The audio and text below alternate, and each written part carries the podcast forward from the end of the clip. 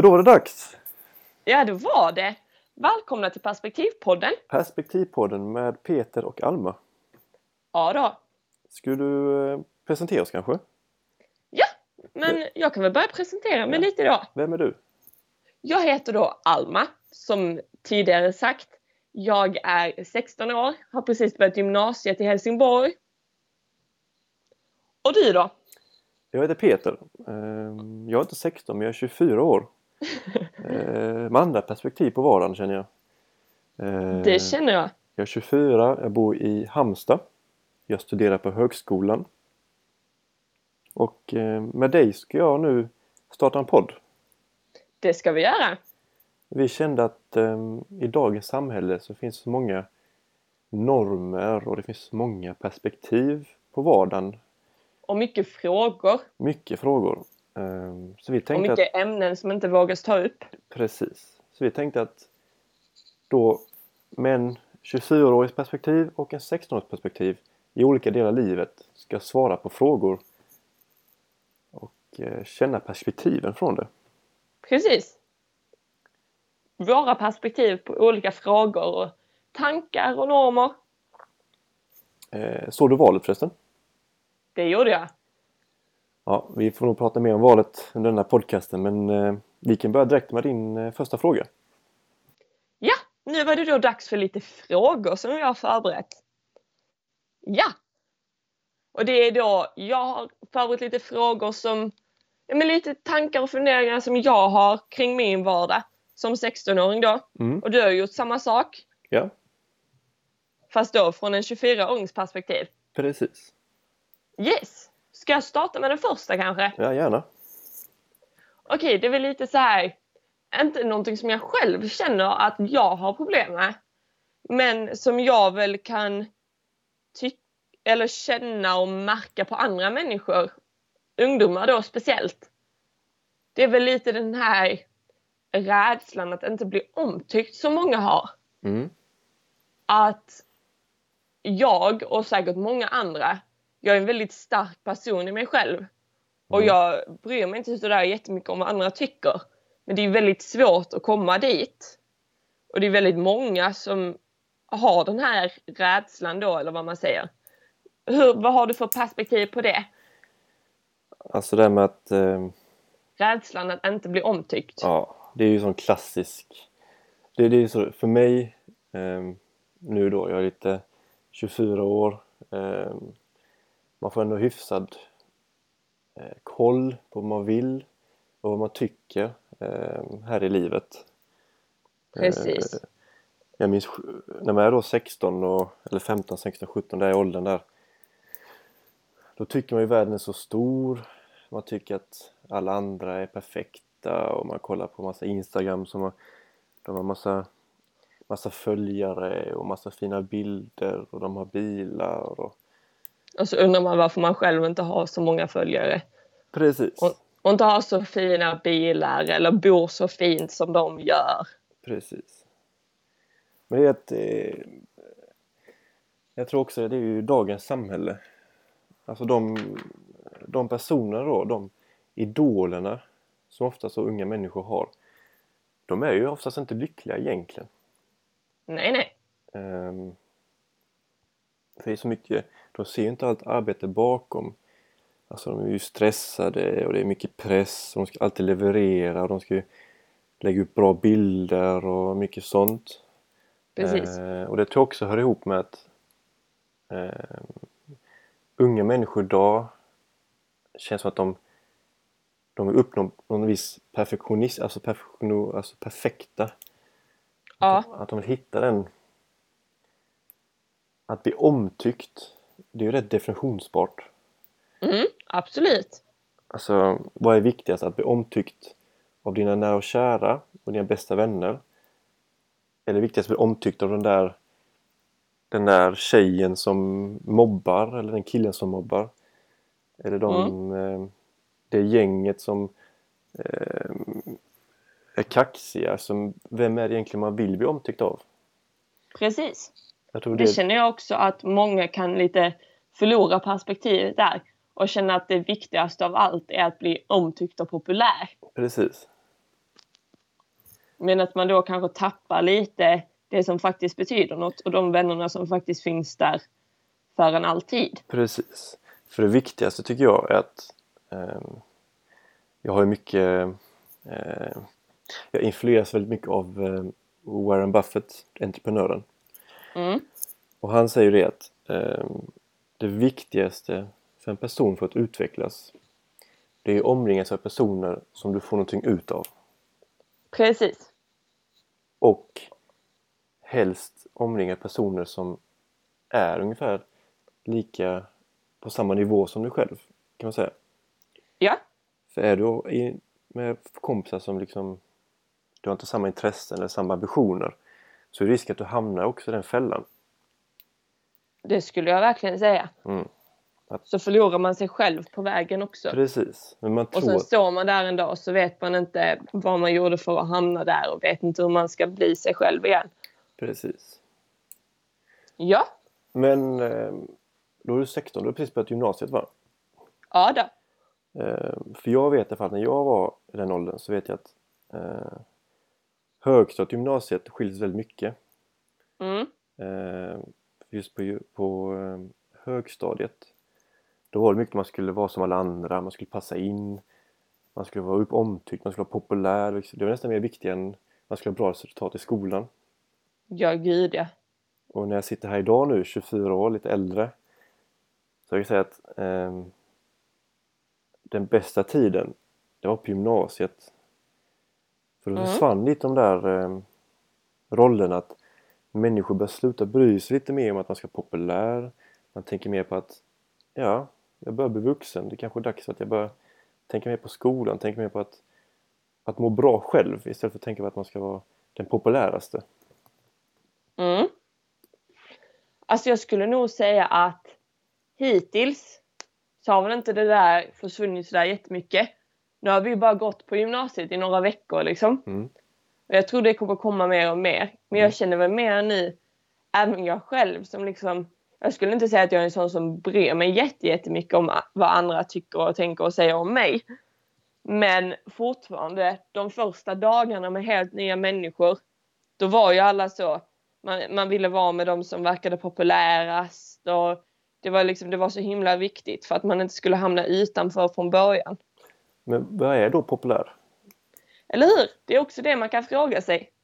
Ja, när du gick in då den första dagen och du sa du att du såg att någon var populär. Vad, vad, vad var det som gjorde att Nej, hon... nej. nej, nej. Jag menar bara det här att många väl känner, men till exempel att de tycker att men den personen vet jag har många kontakter och mycket vänner här och där och där. Då ska jag vara med den personen typ. Mhm. Alltså jag var lite mer så, jag kände inte sådär jättemånga. Så jag var väl lite mer, jag försökte vara öppen för att lära känna alla. Mm. Och verkligen så här utåtriktad och liksom säga hej till henne där borta och till honom där och till henne där liksom. Mm. Skulle jag nog säga. Om du tänker då eh, Det är ju många människor som inte är så öppna. Alltså väldigt, de är ju rädda liksom och nervösa. Vad, vad, skulle, vad skulle du liksom ge för tips till de människor som kanske inte hittat någon kompis nu och de har börjat ny klass och sånt. Vad, vad tror du de ska göra för att känna sig att de hittat rätt och att de känner sig bekväma? Jag skulle väl nog säga att bara liksom försök känna vad man själv vill på insidan och verkligen men vilka sorts personer trivs jag med egentligen? Istället då för att kanske gå runt och vara med några som man liksom verkligen inte trivs med, man känner inte sig bekväm överhuvudtaget. Jag väl så här, nu skulle jag väl säga att jag har hittat kompisar som jag själv trivs väldigt bra med och som accepterar och tycker om mig för den jag är. Det är väl också lite det jag skulle tipsa om att om man är med några som inte accepterar en för den man är eller liksom håller på och fånar sig emot en och sånt där. Det, är liksom, det finns så många olika vängrupper. Även nu, jag går inte på ett jättestort gymnasium. Men det finns så många olika personer du kan vara med. Det gäller bara det här att verkligen försöka vara lite mer öppen, prata lite mer, öppna upp sig lite bit för bit. Så tror jag att de allra flesta kommer hitta rätt på gymnasiet också. Det tycker jag lät riktigt bra. Mhm. Ska jag... eh, Ska vi vända på Ta det? din första fråga. Ja. Mm. Känner ni redo? Absolut. Jag ska inte kalla det för vuxenfråga men det är ju lite sån... eh, Det är ju risk att hälften av våra lyssnare nu försvinner men eh, jag kör ändå. eh, lite som jag oroar för. Eh, det är en potentiell börskrasch. Oj, oj, oj. Ja, alltså att då att med resultat kanske valet då att eh, svenska marknaden och ekonomin Mm. eh, kommer gå botten då och det brukar resultera i en börskrasch i värsta fall. Ja. Ehm, då, hur eh, har du någon slags förhållande ehm, till börsen och Sveriges ekonomi? Är det någonting du har tänkt på? Är det någonting du är intresserad av?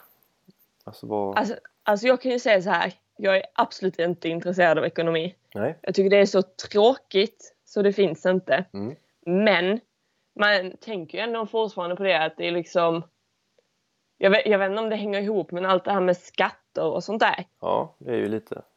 Ja, men för att det tänker jag också på med valet att man blir ändå lite så här för att om några år så ska ju jag börja på högskolan och sen ska ju jag börja jobba och att man ändå kommer att bli påverkad av det här systemet mer än vad man är nu. Mm. Och att man liksom, att det känns väl viktigt att ha koll på det också. Mm. Det känns också som en liten allmänbildningsgrej. Att man liksom, man ska ha koll på det. Och det är lite så här, man ska veta det lite. För eh, eh, anledningen till att jag frågar detta det är att eh, nu idag då när jag är 24 år eh, och börjat liksom bygga upp lite kapital, alltså sätta upp lite pengar, spara pengar och lite sånt varje månad. Mm. Eh, jag ångrar att inte jag började spara tidigare.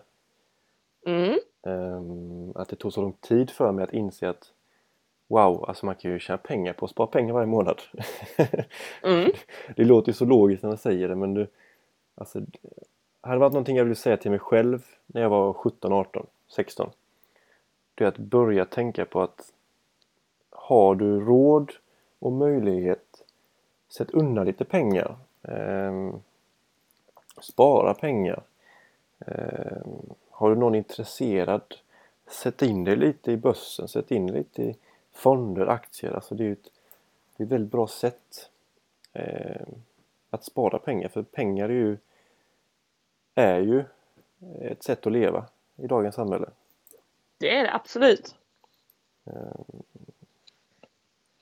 Det är väl en viktig del utav dagens samhälle också.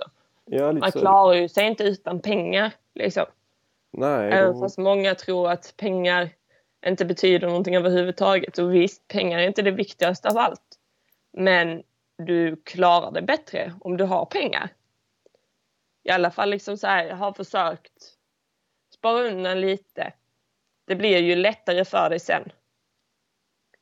Skulle jag väl tro. ja. Men känner du att du känner, känns det där med jobb och spara pengar och högskola, känns det långt ifrån för dig? Eller känns det Alltså som det gör ju inte det. Nej? Men det känns läskigt. Vad är, Otroligt läskigt. vad är det som är läskigt? Ja, men det här att, för att jag känner mig fortfarande som 10 år liksom. Nu är det Mm. här precis har börjat gymnasiet, nu ser alla på en som är mer så här. Och när man kommer första dagen och de säger, och när ni lämnar här sista dagen så är ni liksom vuxna. Ja. Då blir man lite så här, för att man, det förväntas helt andra grejer av en som barn än som vuxen av samhället och allt sånt där. Och jag har ju alltid varit också den här minsta i min familj. Jag, jag har alltid varit den lilla liksom. Och nu helt plötsligt så är det inte så lång tid kvar tills jag ska börja på högskolan och jag ska välja vad jag ska plugga och sen vad det ska bli för jobb och liksom allt sånt där. Och med det kommer ju vuxenansvar. Det är väl det som är läskigt. Så du kan man säga att du är rädd för att bli vuxen då? Mm, det skulle jag absolut säga. Det tror jag många andra också är. Men vad är man, är man, vad är det man eh, jag förstår dig absolut, men vad är det man är rädd för? Men jag tror det är det här ansvaret. Mm. behöva ta ansvar. Att folk förväntar sig andra grejer av en. Folk förväntar sig mer än vad de gör när man är barn. Men tror du inte att... Eh, för när, då, när man får ansvar, mm. är mycket mer makt och gör vad du vill. Absolut. Men... Ja, ja, det finns ju bra sidor av det också. Ja, precis. Men det är ju väldigt läskigt att gå det här klivet från att vara barn till att bli vuxen. Mm. Och det är liksom... Det sker ju rätt fort också. Jag känner mig liksom fortfarande som barn. Ja. Men att de liksom så här två, tre år så betraktar många en som en vuxen. Ja, det är, som, jag... det, ja, det är intressant att en ålder definierar om du är vuxen eller barn. Mm. Faktiskt. Och det finns liksom 24-åringar som fortfarande inte är vuxna. Absolut. Och det finns 16-åringar som är vuxna. Mm. Det, det skulle jag nog säga. Det är också intressant det här med åldern egentligen. Mm, absolut. Ska jag dra min nästa fråga kanske? Ja, det tycker jag. Okej. Okay. Så Mångas första tanke över hur jag är som person blir konstig i många fall. Alltså att de tror typ att jag är något som jag inte riktigt är. Men jag är fortfarande en väldigt privat människa. Men frågan är då lite, vad ska man göra för att få folk att se vem man är på riktigt? Men lite det här, hur öppnar jag upp mig utan att bli för personlig? Ja, det är en intressant mm. fråga. Väldigt intressant. Ehm, jag tror ju, alltså första intrycket, det är ju A och O. Det tycker jag verkligen. Ehm, när jag går in i ett rum så kan jag direkt se på en person um, ungefär hur den är kanske, enligt mig. Ja. Um, genom klädseln, genom kropps, uh, kroppsspråk, genom uh, hur de pratar. Ansiktsuttryck. Uh, ja men precis. Uh, oftast är det ju rätt likt vad de egentligen är. Ja. Eh, men många gånger är det också att man bevisar eh, att man har fel. Mm. Eh, för när man väl börjar prata med personen, börjar lära känna personen så märker man oj, jag har en felaktig bild av dig, eller hon, eller han. Mm. Så jag tror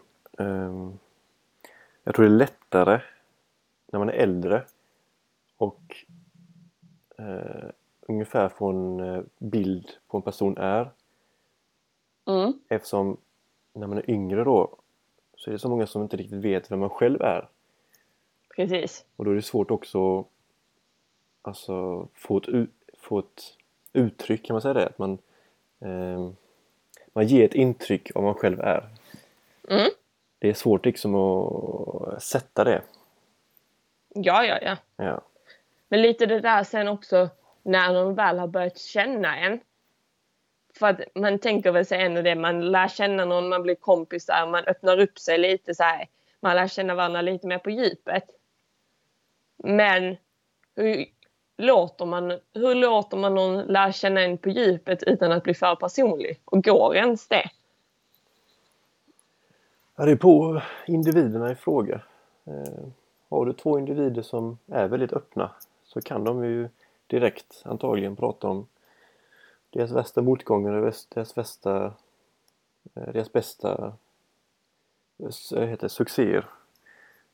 Eh, mm. Men... Men om man tar mig som exempel till exempel. Jag är, jag är en väldigt personlig människa. Mm. Jag berättar gärna inte saker om mig själv för andra. Nej. Om det är någonting som har hänt så är det liksom jag menar, en eller två personer som vet om det. Mm. Men frågan är då hur öppnar någon som mig upp sig för någon så att de ska ändå känna så här att men vi har ändå lärt känna varandra lite utan att man verkligen blir så här alldeles för personlig. Ja, då tror jag man ska fråga sig först då, är det här en person som jag känner jag litar på? Är det här en person jag känner att jag kan få någonting ut av? Mm. Jag tror det handlar också om tillit. Alltså man öppnar inte upp sig för vem som helst. Det gör man inte. Absolut inte. Vi är ju människor. Alltså vi är ju ändå, det är ju försvarsmekanism. Precis. Eh, så det är att man får nog känna sig av det att är det en person jag känner att det här har jag tillit till då tror jag man ska prata lägga, lägga nästan korten på bordet för att de ska lättare för de ska tycka om dig för den du är Ja, ja. och då är det viktigt att man själv är som man är Mm. för den personen Bra sagt. Mm. Ja, nu slår jag två frågor i en smäll här. du eh, integrerar Absolut. ja det är kul Kör vidare med nästa fråga då. Ja. Ehm, då någonting som jag verkligen, ehm, jag själv är rätt, jag tränar lite på gym och jag springer lite som löpning. Ja. Ehm, det här med träning och eh, eh, massa tillskott. Ja. För det är någonting jag reagerar på när jag eh, är på gymmet då. Ja. Så jag ser många nog i din ålder, kanske är 15, 14, 16, 17 där. Ja. Ehm, Det är många som tar mycket De tar liksom sådana pre-workout som heter att man eh, får pulsen innan gymmet. Och Det de, gör de. och de tar eh, proteinpulver eller liknande efter gymmet. Mm. Då är jag lite nyfiken. Hur Alltså var kommer det här ifrån? Hur eh, För det var inte lika stort när jag var då i, i din ålder. Det var inte lika stort med det där. Nej. Men vad är det som liksom Tror du då att det har blivit sån stor grej? Alltså jag tror det är mycket. För att kroppshetsen har ju bara blivit större och större. Det här att killar ska vara biffiga och manliga. Inte för att det är manligt att vara biffig, men många och men samhället säger väl ändå lite till en att det är manligt att vara biffig och stor och stark och det är lite så här, det är kvinnligt att vara smal och ha liksom, ja men att vara smal och inte så här men då tar man också det kvinnor som är för vältränade. Då blir det inte heller så där jättekvinnligt. Men jag tror mycket av det kommer ifrån just det här med träningshetsen. Och att alla ska vara så himla, man ska vara smal och man ska vara vältränad och man ska ha si och man ska ha detta och detta och det blir liksom det blir så stort tryck och så är det många det har ju liksom ur detta skapar det mycket mångas förhållande till mat blir ju väldigt så som det inte ska bli i den här unga åldern liksom. Mhm. Att man slutar äta mer och mer och att det liksom då blir det väl för många att för att orka träna så sätter man till de här kosttillskotten och så dricker man dem istället för att äta riktig mat liksom. För att man tycker att man är så himla stor och fet att man behöver gå ner så himla mycket i vikt. Ja, För, det, för, När man mig, egentligen är perfekt som man är. mm, för mig är det ju helt, alltså det är, ju- jag blir ju nästan, det är helt tragiskt.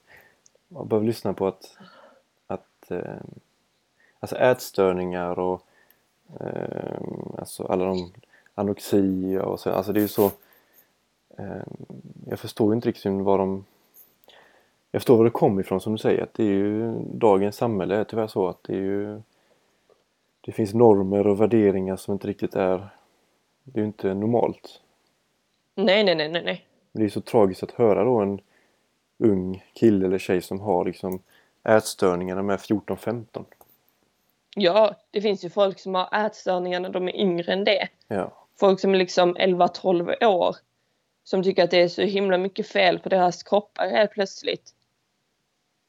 För att de ser grejer och hör grejer så tänker de liksom Men vad är felet på mig nu då? mm. Jag är helt, inte så smal som de är. nej. och det är ju helt tragiskt alltså det förekommer Det- också alltså i min ålder men det känns som mycket mer i yngre ålder Mm, det blir ju det mer och mer. mm. Det tycker jag är otroligt hemskt. Jag tror också det hänger med ihop med som du säger att eh, eh, att man inte att man jämför sig med andra Mm, att man bryr sig vad folk tycker det handlar ju väldigt mycket om det. mm. jag känner ju själv det här. Jag själv har ju inte sådär jättebra självförtroende eller vad man säger. Men jag känner väl ändå att jag har mycket bättre än vad många andra har. Mm. Och där glider vi lite smidigt in på min nästa fråga. ja du är riktigt sån eh, ja herregud, ja kör, vi kör det. Vad kan man göra för att öka sitt självförtroende? Oj, oj, oj. För att jag tror vi har väldigt olika perspektiv på den här frågan. Jag tror Mm. inte att mitt svar är samma som vad ditt svar kommer att bli. Ska jag börja med mitt svar då? Jag gör det. Eh, Öka sitt självförtroende. Precis. Alltså det varierar till person till person tror jag. Ehm, Men jag tror mycket ehm, för mig personligen så är att jag är ju väldigt social människa. Mm.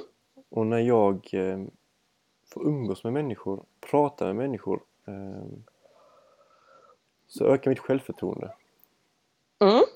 Och det blir ett sätt att man får en bekräftelse att jag är en social person. Mm. Så jag menar. Ja.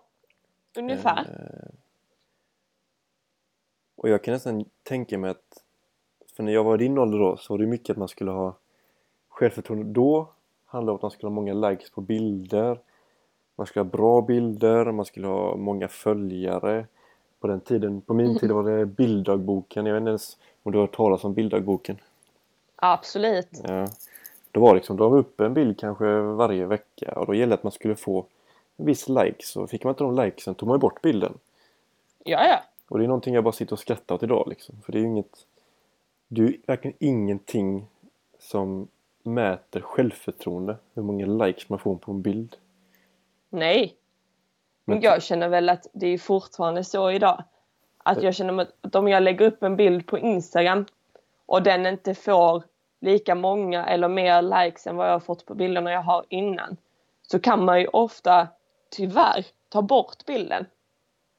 Inte för att så här man ogillar bilden eller någonting men för att man känner oj, nu gillar ingen min bild. Tycker inte någon om den, var jag fil på bilden eller liksom så här. Då blir Mm. det så här himla det sänker självförtroendet på ett sätt som det inte borde få göra. Ja, det, det känns som det är ju nackdelen med sociala medier. Mm, Alltså, absolut. Skulle du få två likes på din Instagram-bild Nej, gud. Då tänker du nästan, jag, är inte jag snygg? Är inte jag söt? Är inte jag... Precis. Har jag någon fult? Tycker ful- inte folk om mig? Precis. Nej. Alltså, hemskt men sant. Jag hade tagit bort en Instagram-bild direkt. Om jag bara hade fått två likes. Och sen står jag, alltså jag, jag sitter och tänker att jag... ehm, det är lätt för mig att säga bara ja, det är ju bara att skita i det. Alltså, det mäter ju ingenting. Nej, nej. Men sen står Det gör det inte. Men vi är ju två olika delar av livet också ju. Precis. Ehm, Om du hade pratat med mina jämnåriga kompisar liksom. mm, Så tror jag att om de hade varit ärliga med sina svar så hade de sagt exakt samma sak. precis. Vad har du frågat mina kompisar? De har sagt som jag. Att du, Precis. du mäter ju ingenting. Precis. Men det är intressant. Okej. intressant. Jag får bara... så tänker jag liksom var... Var någonstans gick det över då för mig? Alltså att jag insåg att det här liksom... Det här bevisar ingenting. Nej, Och det jag, kan man faktiskt undra. Ja, jag har sett och tänkte det. Eh, jag tror det var när jag nästan var ja, 20 år tror jag. Mm. För jag tror, jag tror Instagram kom uff, när jag var 17 eller någonting, 18. Ja, och då blir det ju ännu mer som du säger bekräftelse. Det var då det började ju nästan med det där. Eh, allting med att man skulle ha bra bilder och bra redigerat och man skulle ha bra pose. Och, ja precis. då ju tjejerna tog Och det skulle inte synas för mycket fett på magen. Nej men precis. Men jag tror att efter jag var 20 där så tänkte jag, insåg att nej. Jag tror jag slutade använda Instagram faktiskt. Mm. Jag tror det. Ja. Ska vi köra en fråga till? Ja, Ehm, energidryck. oj oj oj. ja det är ju helt sjukt ju. Alltså den marknaden av energidryck har ju blomstrat upp helt ju. Den här frågan var jag lite rädd skulle komma. För jag är Ja. inte den bästa förebilden när man kollar på den här frågan. Nej, alltså det är helt sjukt ju. Alltså jag, jag då... Eh, alltså när jag, jag har handlat alltså sen jag var 12-15, alltså jag har handlat länge liksom. Mm. Eh, och den utvecklingen på drycker i dryck eh, på mataffärerna. Ja, Det ja, är ju ja, helt ja. sjukt ju. Absolut. Alltså det är ju, det finns ju så många olika energidrycker. Ja, ja. Och läsk och det finns så mycket. Men alltså vad hände med energidrycken? Alltså gud. Alltså jag vet inte ens var man ska börja med det. Dricker, Jag vet du, jag dricker du tror- energidryck? Tyvärr så gör jag ju det. Och vad dricker du för energidryck? Får jag fråga det? Alltså jag dricker ju massa olika. Jag skulle väl säga mest typ såhär Nocco päron. Och vi är inte sponsrade av Nocco Päron nu så ni vet. Men alltså för att det är verkligen... Men, nej jag vet inte. Men ett tag så drack jag hur mycket energidryck som helst. Det gör jag inte nu. Vilket jag tycker är bra. Men jag dricker fortfarande energidryck. Ibland. Då och då liksom. Men vad är det som lockar med energidryck? Alltså varför dricker du inte en läsk eller en vatten? Eller alltså vad är det just med energidryck som du vill Jag ha? tror det handlar mycket det här. Om man kollar på läsk kontra vissa energidrycker. Så tror jag det är mycket det här att det det ska inte vara några kalorier. Det ska vara så lite socker som möjligt och allt sånt där. Att man känner sig typ nyttigare på något sätt. Även fast energidryckan kanske är mer onyttig än vad läsken hade varit. Så känner man sig ändå nyttigare om man dricker en energidryck än om man dricker en läsk. Det är också det, är det är nyttigt. Alltså jag tänker ju att eh, oftast då Nocco till exempel eller Celsius. De Ja, har ju ja. ofta sponsrade eh, idrottsutövare. Mm. Och då tror jag det är så att människor ser dem då, kanske någon vältränad kille eller vältränad tjej, står med en Nocco. Då tänker de automatiskt att oj, om en vältränad kvinna eller man dricker detta, då måste detta vara nyttigt. Precis. Även fast det inte är det överhuvudtaget egentligen. För det känns som väldigt mycket konst, alltså tillsatta ämnen och ja, Ja, ja. Även fast det är lite kalorier och lite socker så betyder inte det här att det inte är några konstiga ämnen i alls. nej. Så du vet, jag är verkligen ingen, alltså jag har ju Alltså jag har ingen koll på energidryck. Jag vet ju Red Bull och Nocco, alltså jag vet talas om dem men jag har ingen, jag dricker ju inte. Nej. Ehm, Fast om man säger så här, om man kollar på min vänkrets och olika vänner som jag umgås med så är jag absolut inte den som dricker mest. fast du säger att du dricker mycket. Precis. Det är ju också sjukt alltså. För jag har ju vissa kompisar som dricker, liksom, de dricker flera om dagen. Och då får man också lite den frågan, hur påverkar det deras kroppar i längden? Ja, om, man det- kollar då ja. på, om man kollar då på Nocco till exempel. Inte sådär jätteprövat. Man vet inte riktigt vad det har för långvariga effekter om man dricker för mycket för länge. Då blir man lite så, mm. Vågar man verkligen testa något som är så himla oprövat och dricka så mycket av det hela tiden? Ja, ja det är också undrar. Alltså, eller är det så fruktansvärt gott att man måste dricka det? Alltså jag tycker ju varför jag bara dricker Nocco päron är ju för att jag tycker Nocco päron är riktigt, riktigt gott. Alltså jag tycker ju verkligen det är supergott. Men men så finns det ju samtidigt, det finns vissa energidrycker som jag inte tycker är alls goda. Och de dricker jag inte liksom. Men jag känner fortfarande många som de gillar inte en viss sorts energidryck och så ser man dem liksom komma gåendes och dricka en stor energidricka som var den de inte tyckte om liksom. Då blir man lite så också. Även fast du inte tycker det är gott så ska man dricka just den energidrycken. Jag blir lite kluven på den frågan alltså. Ja, för du, Det- du, du dricker ju själv. Precis, tyvärr. Tyvärr. Och det, Någonting det, som jag man- gärna skulle vilja vänja mig av från. man, alltså vi säger, jag säger inte att man inte får dricka energidryck. Jag bara är nyfiken på vad det är som att gör att man vill dricka energidryck. Men jag säger att mycket från min sida, det handlar väl om den här djupt nere så tror jag det handlar om den här kroppshetsen hit och dit. Men också det här att jag vet inte, man känner väl så om man är typ trött någon dag och sen bara åh, men, nej, men jag tar bara en energidryck så blir det bättre. Och så blir det där till en vana att men så är man trött dagen efter det. Och sen är man trött liksom tre dagar efter det. Och så blir det ganska mycket. För att man tror att det har någon slags magisk effekt. På Ja, liksom är- en själv. Det är intressant. Det är intressant. Det är väldigt intressant. Eh, Väldigt stort ämne som man har väldigt så här. Nej. Väldigt intressant ämne. Ska vi eh, köra in till sista eh, segmentet nu i vår podd? Ja, det Eh, tycker jag. Veckans ris och veckans ros. Ja, Och det handlar om att vi eh, varje vecka tar upp någonting som vi själv tycker har varit något som varit positivt och något som varit negativt med veckan som har gått. Mm. Eh, vill du börja med veckans eh, ros kanske? ja, det kan jag faktiskt göra. Jag har ju då valt lite som är kopplat till valet. Mm. Eh, och man kan väl kanske då börja med att säga att det här är mina egna åsikter såklart.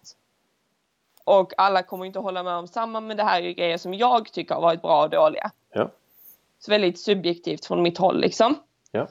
Men eh, ros denna veckan känner jag väl mycket är eh, Kristdemokraterna. Har jag, precis som många andra, inte alltid haft en väldigt bra bild av. Man har väl alltid tänkt att det är det här jättekristna partiet och det är liksom så här. Jag menar att det är typ ett kristet parti. Mm. Och att om man ska rösta på dem så måste man gå i kyrkan och hålla på. Mm. Men då vill jag faktiskt göra en liten så här till Ebba Busch Thor, Kristdemokraternas nya, eller hyfsat nya ändå, partiledare. Mm. Hennes debattteknik på debatterna som har varit nu den senaste veckan och innan dess. För jag tycker hon är en väldigt hon är en väldigt bra debattör på väldigt mycket olika sätt. Hon är väldigt på hugget, väldigt rakt på sak.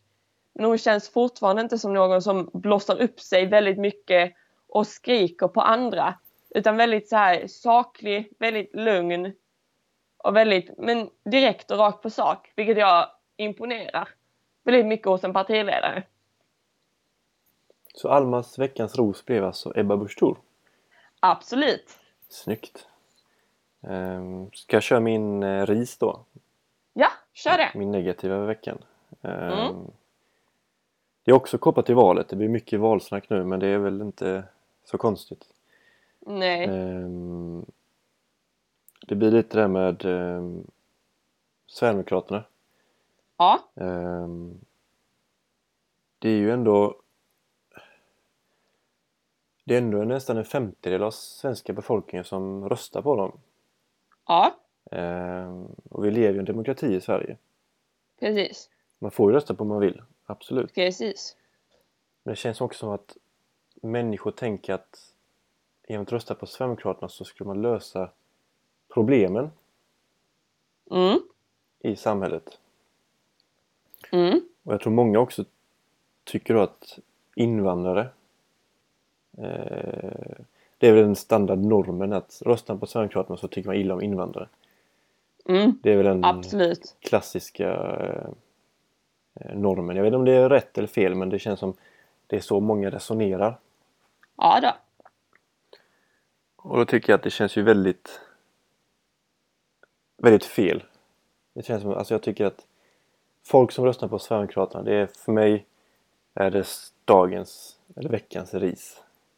Mm. Ehm, jag tycker att man borde kom, alltså komma tillbaka till mig och säga att jag röstar på Sverigedemokraterna för att jag tycker om deras försvarspolitik, jag tycker om deras ekonomiska politik, fine. Ja, ja. Men kom inte till mig och säg att jag röstar på Sverigedemokraterna för att utmana invandrare. Nej. nej, nej, nej, nej. Nej. Där, där, där är min ris till de som röstar på Sverigedemokraterna för den motiveringen. Mm. Hur kör din ris? Yes! Då handlar ju denna också om valet, såklart. Vilken, Någon blev eh, förvånad, Vilken överraskning! eller hur? Eh, nej, men då väl en liten ris till Stefan Löfven. Mm. Och nu kommer vi upp till det där med debatter igen. Stefan Löfvens debattteknik tycker jag är lite sisådär. På senaste tiden känner väl jag personligen att han har tappat sugen lite. Han har blivit väldigt svamlig. Han får inte riktigt nej men han ger inte riktigt några tydliga och raka besked. Att så här vill vi att det ska vara och så här och så här och så här.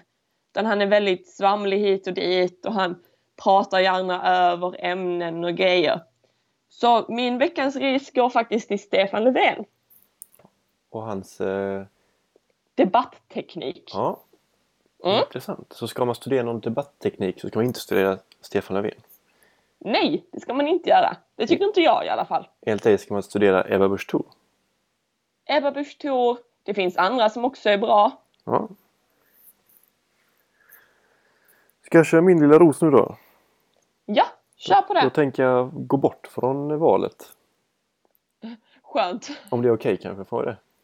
Absolut. Eh, min ros då, det är hösten som kommer. Oh ja. Jag fick bara sån feeling igår här. Eh, jag låg i soffan. Eh, amerikansk fotbollssäsongen har börjat, NFL. Vilket jag är stor fantast av. Jag sitter här med tända ljus, en kopp te. Och det regnar lite. Jag känner bara, fan den här hösten kommer bli riktigt bra alltså. Mm. Jag har också den känslan faktiskt. Jag tror här kommer bli riktigt bra. Jag tror det kommer bli en väldigt bra höst och ett väldigt bra vinter. Och jag tycker att med vår första podd så tycker jag att det här kan bli bara bättre. Precis. Det är starten. Absolut. Men då eh, tackar vi för oss denna gången. Vi gör väl det. Du får ha en eh, bra vecka så hörs vi eh, nästa vecka. Ja, men det gör vi. Ha det bra! Detsamma.